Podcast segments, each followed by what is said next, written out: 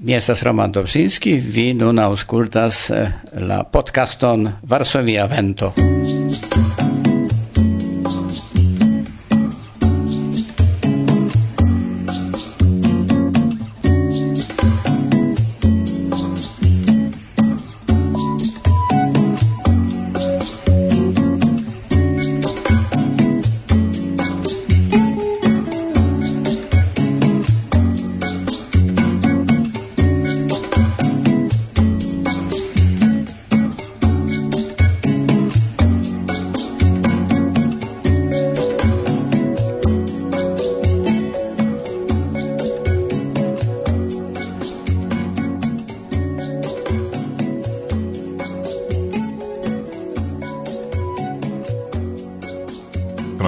laste vi estis en Brazilo, kion vi tie faris? Do, mi veturis al Brazilo, eh, mi jam povas kalkuli kion foje mi estis en Brazilo, ne? se tamen mi esis la decan foion nur en bona espero. Antau ol ni parolas pri tio, fakte mi eh, devas demandi, ĉar eh, ni parolas pri bona espero, do vi, mi kaj multai el inter la aŭskultantoj scias pri kio temas, set ne ci, Kio estas fakte bona espero? Do, bona espero estas esperantista edukejo, unika en la mondo, kie venis el Europo unu geza paro gesignore Ursula kaj Giuseppe Gratapalia kaj ili dedicis sin al la infanoj brazila infanoj kiuj estis kondamnitaj je analfabeteso ĉar en tiu regiono kie ekzistas bona espero estas illa malta granda alt ebenajo de Brazilo, familio vivis en completa apartezo. Ne existis lernejoj giustesperantisto i esperantistoj i cetere en la jaro 1957 establis tion edukejon, sed la afero estis trege malfacila. En la, la jaro 1974 venis ĝuste tiu paro el Italio, Ursula kaj Giuseppe Grattapalia, kaj ili donis al la tuta afero unue novan elanon, sed ankaŭ novan dimension.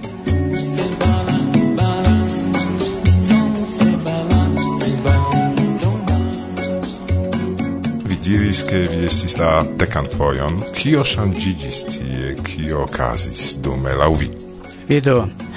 La shanzo estas necredeblai. Mi appartenas al generazio, cio eble en la tuta historio de la Hamaro vivis plei grandajn ŝanĝojn.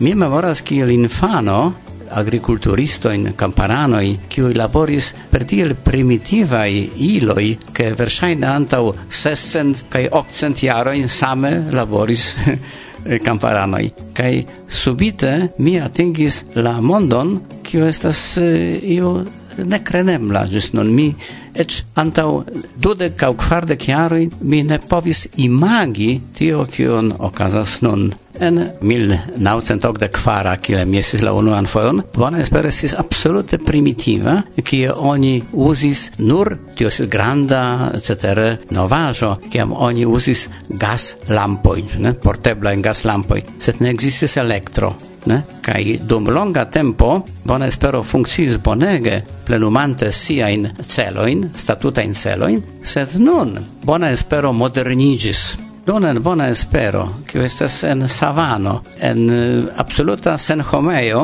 mi tutan tempon en mia ĉambro havis aliron al interreto, ne? Do, tiel grandega ŝanĝo. Bona espero estas nun moderna loko, kiel same kiel en ĉiu landoj. Mi en mia ĉambro estis varmakvaj dusiloj, sed alia afero estas tio, ke la tuta brazila ŝtato moderniĝis kai jam ne plu existas la neceso helpi al infanoi condamnitai al analfabeteco, char la stato non occupizas pri tio infanoi existas lerneioi e kai infanoi qui ec loĝas ie for estas per speciale busoi portata in la lerneo. Do tiu rolo por kiu bona espero servis dum decoi da jaroi, fakte finigas. Nun, infanoi kiui venas al bona espero, kutime devenas de la familio el tiel nomata margena socio. Temas pri la gepatroi, kio esas ebrioloi, au esas eh, foiec condamnitai sidas en malibereioi, crimuloi, ne? Kai infanoi devas ie trovi sian familion, kaj bona espero nun donas tiun senton de familio, kaj anstataon de la familio en perfecta maniero, giuste por tiu spesa infanoi. Ĉu tio ligiĝas kun adopteco de tiu infanoj? Ne, ne, ne, ne. Infanoj venas eh, al bona espero nun laŭ la decido de juĝistoj char temas pri tio ke ofte okazas ke gepatroj kiu estas krimuloj jam estas senigitaj de la rajtoj posedi okupiĝi pri siaj infanoj kaj tiu infanoj devas esti ien senditai por plua educado kaj vivo kaj oni ofte juste elektas bonan esperon kaj tiuj infanoj vivas kaj bona espera estas iu anstataŭa familio ne? Ĉu ne estas malfacile labori kun tiuj infanoj kiuj vivis sian tutan vivon en iu krima aŭ iu ĝis fino kultura socio Do Irek pri tio vi juste povas eh, legi en la libro Bona Espero, kai pri tio ja konkretaj kazoj ni povas eh, paroli, eh, au ni povas auskulti de la libro, kiu jam estas registrita.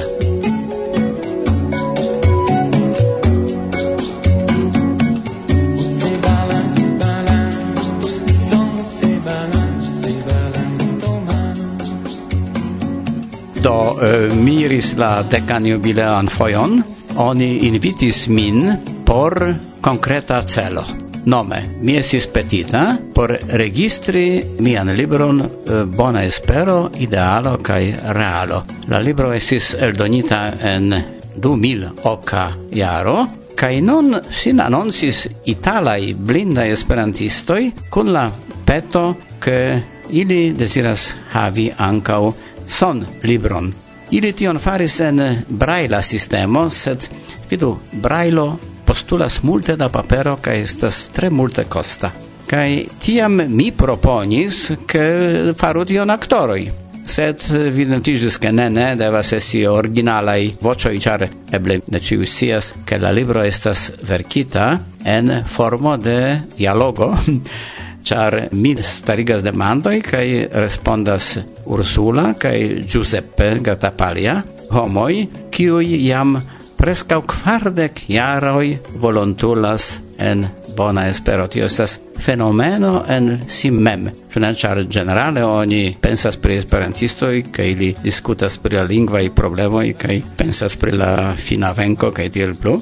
Dum jen estas personoi kioi vivis en bon stato en Italio, char Giuseppe si direktoro un el directoroi en grandega Fiat compagnio cervisiasche estro de Fiat esis pli grava en Italio ol presidente della Stato, cioè kai cetero en diris ke ne Fiat estas en Torino sed Torino estas en Fiat.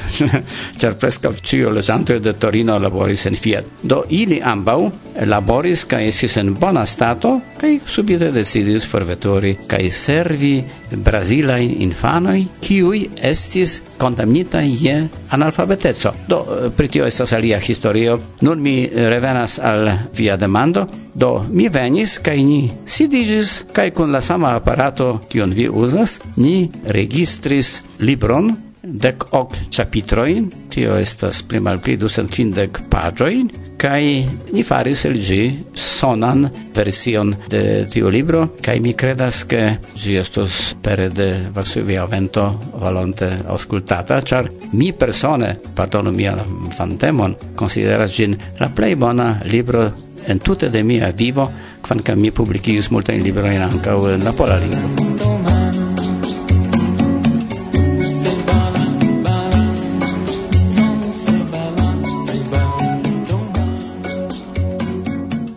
Do, jus vi excis che objecto de nia interparolo, giuste libro, estos presentota al vi en Varsovia vento, stu pacienzai, do via il kiel turisto, porque homoi vidu bonan esperon per oculoi de la imago. Do, via demando tucas tute novan celon de bona espero, char kiel mi diris antaue, la pli frua rolo de bona espero iom finigas sed bona espero havas kelkajn celojn en sia statuto ankaŭ uno el tiu celoi estas formi bonan esperon kiel kulturan centron de Esperanto modo unika.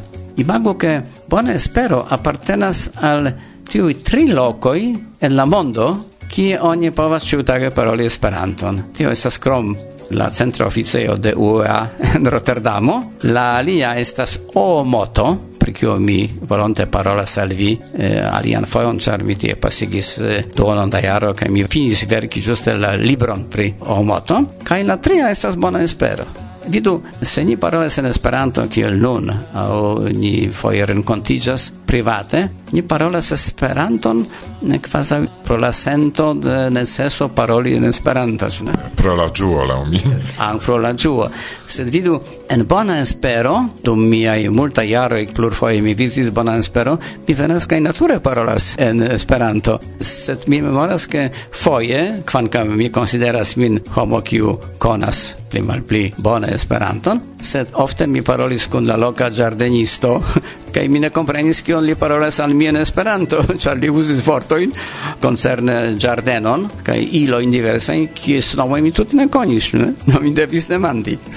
Aŭ cetere pri plantoj, ankaŭ pri fruktoj.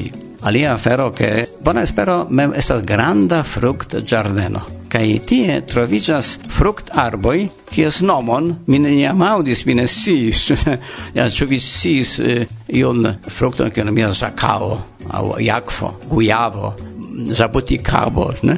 Tio estas jam esperantaj vortoj, sed temas pri la fruktoj kiuj ekzistas ĝuste nur en tiu regiono. Cetere vi parolis pri turisma aspekto. La mia opinio la plej interesa turisma aspekto de bona espero estas ĝia naturo, eksterordinara eh, naturo de endemiaj do aŭ indiĝenaj plantoj, Char imago en tiu loco, kie dum ses monatoi ec ne falas unu guto da pluvo, vivas plantoi kiui devas elteni tiuin ses monatoin kai transvivi tiun periodon, ne? Kai ili subite, kiam decembre komencas pluva sezono, oni vidas kiel la tuta naturo subite leviĝas, kreskas, ne? Tio esas nekredebla rigardo. Cetere ankaŭ alia interesega bildo estas ke Ciam finijas la seca sezono, tiam ocasas multae fairoi, incendioi, cetere terurae, mi quelcoie trege timis, char tiam vi vidis tutan fronton, grana fronton de fairo, kiu venas al vi, cae vi ne scias, ciu haltos au ne haltos, sed ciam fin fine pluvo rompas la fairon post kelkaj tagoj, ciam vi vidas nur circaue quasau lunan peisagion, char Cio estas nigra, griza, nur cindroi, cindroi kaj cindroi. Kaj subite tiui cindroi montriĝas floroi kaj folioj, do tiu fama proverbo kiel fenikso el la sindroj ĉu ne? Tion oni povas vidi en bona espero kiel subite el arbo kiu estis komplete bruligita tute nigra kaj dividas el la trunko el branĉo ke subite aperas malgranda folio kaj floro. Tio estas fascinaj bildoj kiujn oni povas vidi. Mi ne scias ĉu nur sed tutcerte en bona espero.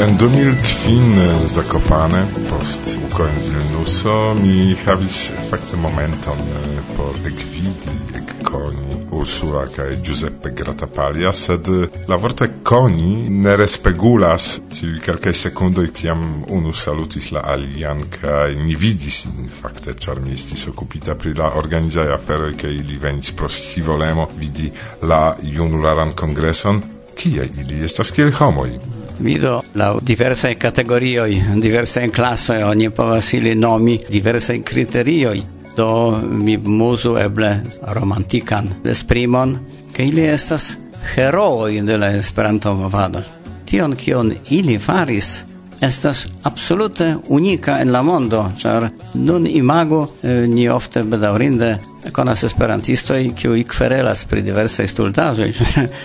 Kaj ili anstata eh, kvereli kai provi ke ili pravas pri eh, ekzemple io eh, lingva problemo ili simple paroligis la infanojn kai servis la infano in kai kaj case kiam amoni servis la infanojn oni ankaŭ greftis Esperanton. To Giusta memoria tion scenon de Ursula che si estas en la kuirejo kaj iom tranĉas. Mi demandas sin Ursula kiom da kilogramoj da pano vi bakis dum via tuta vivo ĉi tie en bona espero? Kaj ŝi ne povas respondi kaj ploras sed ŝi ploras. Ne pro tio ĉar ŝi estas kortuŝita.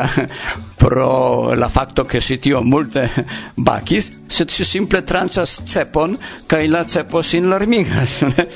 kai sia è una el plej interesa i respondo i on si diris al mie, mia demando per sia estontezo, esperanta estontezo, de bona espero, si diras vi sias la cefa afero estas por mi pensi pri tio kion mi morga donos al matenmanĝo al la.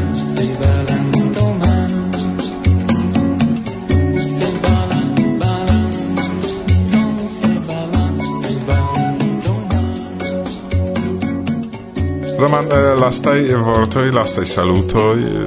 Do, mi gioias che mi havas eh, eblecon entute paroli en Esperanto kai al Esperantistoi, kai mi devas diri de mi revenas tamen al bona espero ke tie mi renkontis kelkai niuna in Brazila in Esperantistoi, ili discutis pri estonteco de bona espero.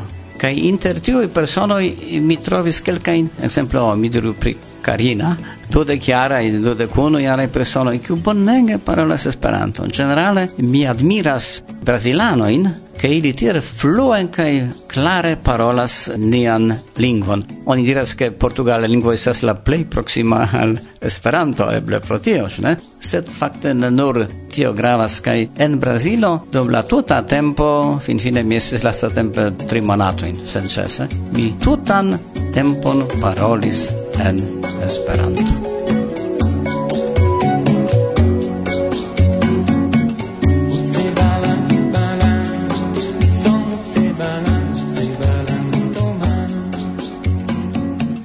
Do, mi salutas vin, Kore, el eh, provizora studio de Varsovia Vento en eh, Heimoderoman, de Roman, ci foje. No, yes, eh, mi anca eh, salutas mia in amico in Brasilano in.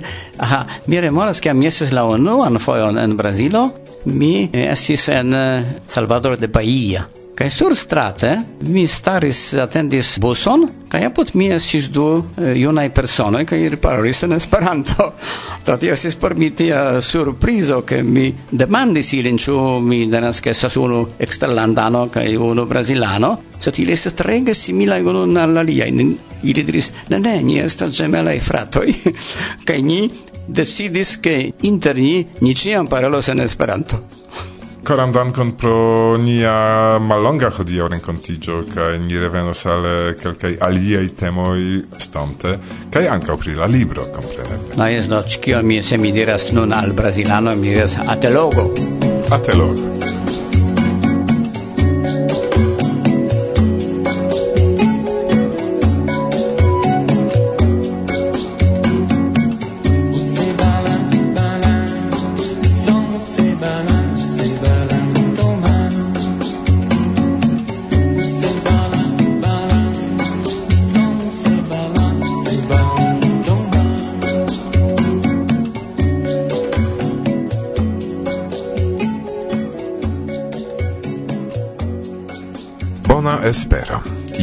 Kai Realo. La libron sone ni ricevis de Roman, kun permeso gin presenti. Kai komencis gin adaptigi al nia programo.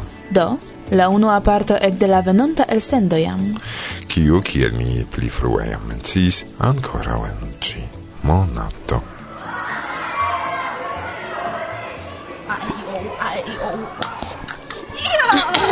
Saluton cara. Saluton. Hodiau kune kun ni vi vojaĝos tra la mondo de la pola lingvo. Kial kun ni ne kun Karina? Ĉar bedaŭrinde ŝi havas libertempon de nia lernado. Mm.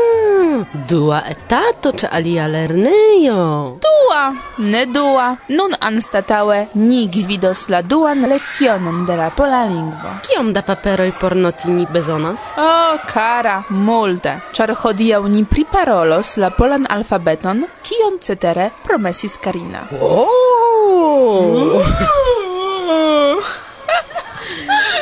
Czy bowino interni?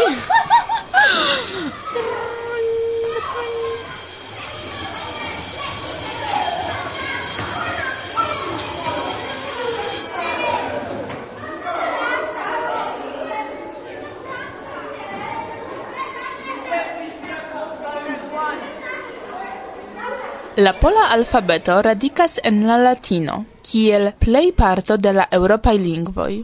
Ne mire do, ke la ĉefajn literojn vi kapablus senprobleme legi, tamen ne ĉiuj. Parto de la diakritikaj signoj, supersignoj kaj subsignoj Existas scribe kaj sone nur en la pola lingvo. Ekzemple la vokalo A en nia lingvo havas ankaŭ sian ĝemelon, sed kun subsigno.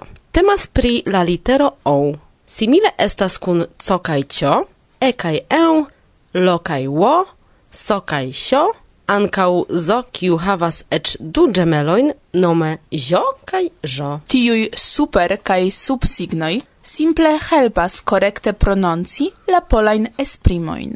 Czar en la pola lingvo oni diras same kiel en Esperanto – ke oni legas kiel oni skribas. Tamen en Esperanto ne ekzistas ekzemple la vorto ćwierć, łękotka, śruba aŭ źdźbło. Kiel do ilin noti? Ĝuste, tiun problemon, se temas pri pola lingvo, solvis specialajn diakritikajn signojn en nia alfabeto. Se vi havos demandon pri tio, demando. Se vi desiras vidi kiel aspektas la literoj, petu. Aparte ni presentos ilin al vi. Se vi komencis interesiĝi pri la lernado de pola lingvo, ne prekontaktiĝu. Kaj nun kelkajn praktikajn esprimojn. Sendube vi bezonos ilin kiam vi venos al Pollando. Aŭskultu, karaj, atente. Unue nur en la pola lingvo, por ke vi aŭdu la lingvo melodion. Jestem Agnieszka. A ja Marta. Kocham cię. Naprawdę? Tak, nie żartuję. To daj mi swój numer telefonu. Proszę. Dziękuję. Zadzwonię. Wow.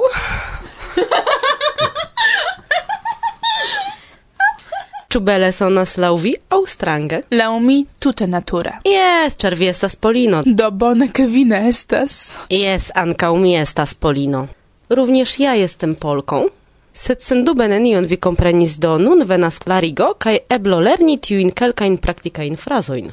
Atenton! Jestem Agnieszka. Mi estas Agnieszka. Ripetu. Jestem Agnieszka. Bone. Aja Marta. Kaj mi Marta. Nun vi, karaj auscultantoj, ripetu. Aja Marta. Kocham cię. Mi amas vin. Ripetu. Kocham cię. Naprawdę? Ĉu vere? Nun vi, ripetu. Naprawdę? Tak, nie żartuję. Jes, mi ne szercas. Ripetu nun vi. Tak, nie żartuję. To daj mi swój numer telefonu. Tial donu al mi vian telefon numeron. Ripetu nun vi. To daj mi swój numer telefonu.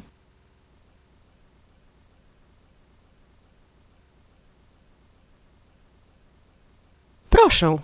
Bonvolu. Nun vi ripetu. Proszę. Dziękuję. Zadzwonię. Dankon. Mi telefonos. Ripetu. Dziękuję. Zadzwonię.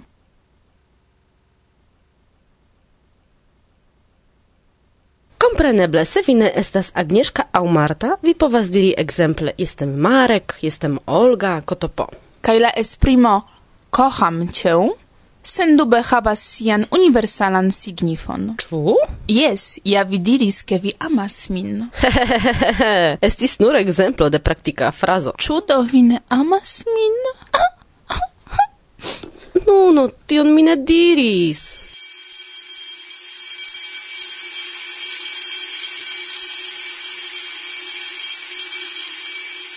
La polan lingvon ci foje prezentis al vi, mi, Martusia kaj Agnieszka la ruda. Varsovia vento. Bla, bla. Bla.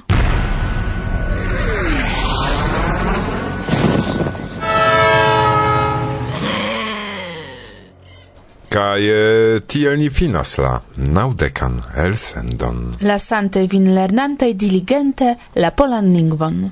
La provizora studio de Varsovia vento parolis al vi. Martusia. Kaj mi, Irek. Gis la baldaŭa reaŭdo. Re bla bla bla.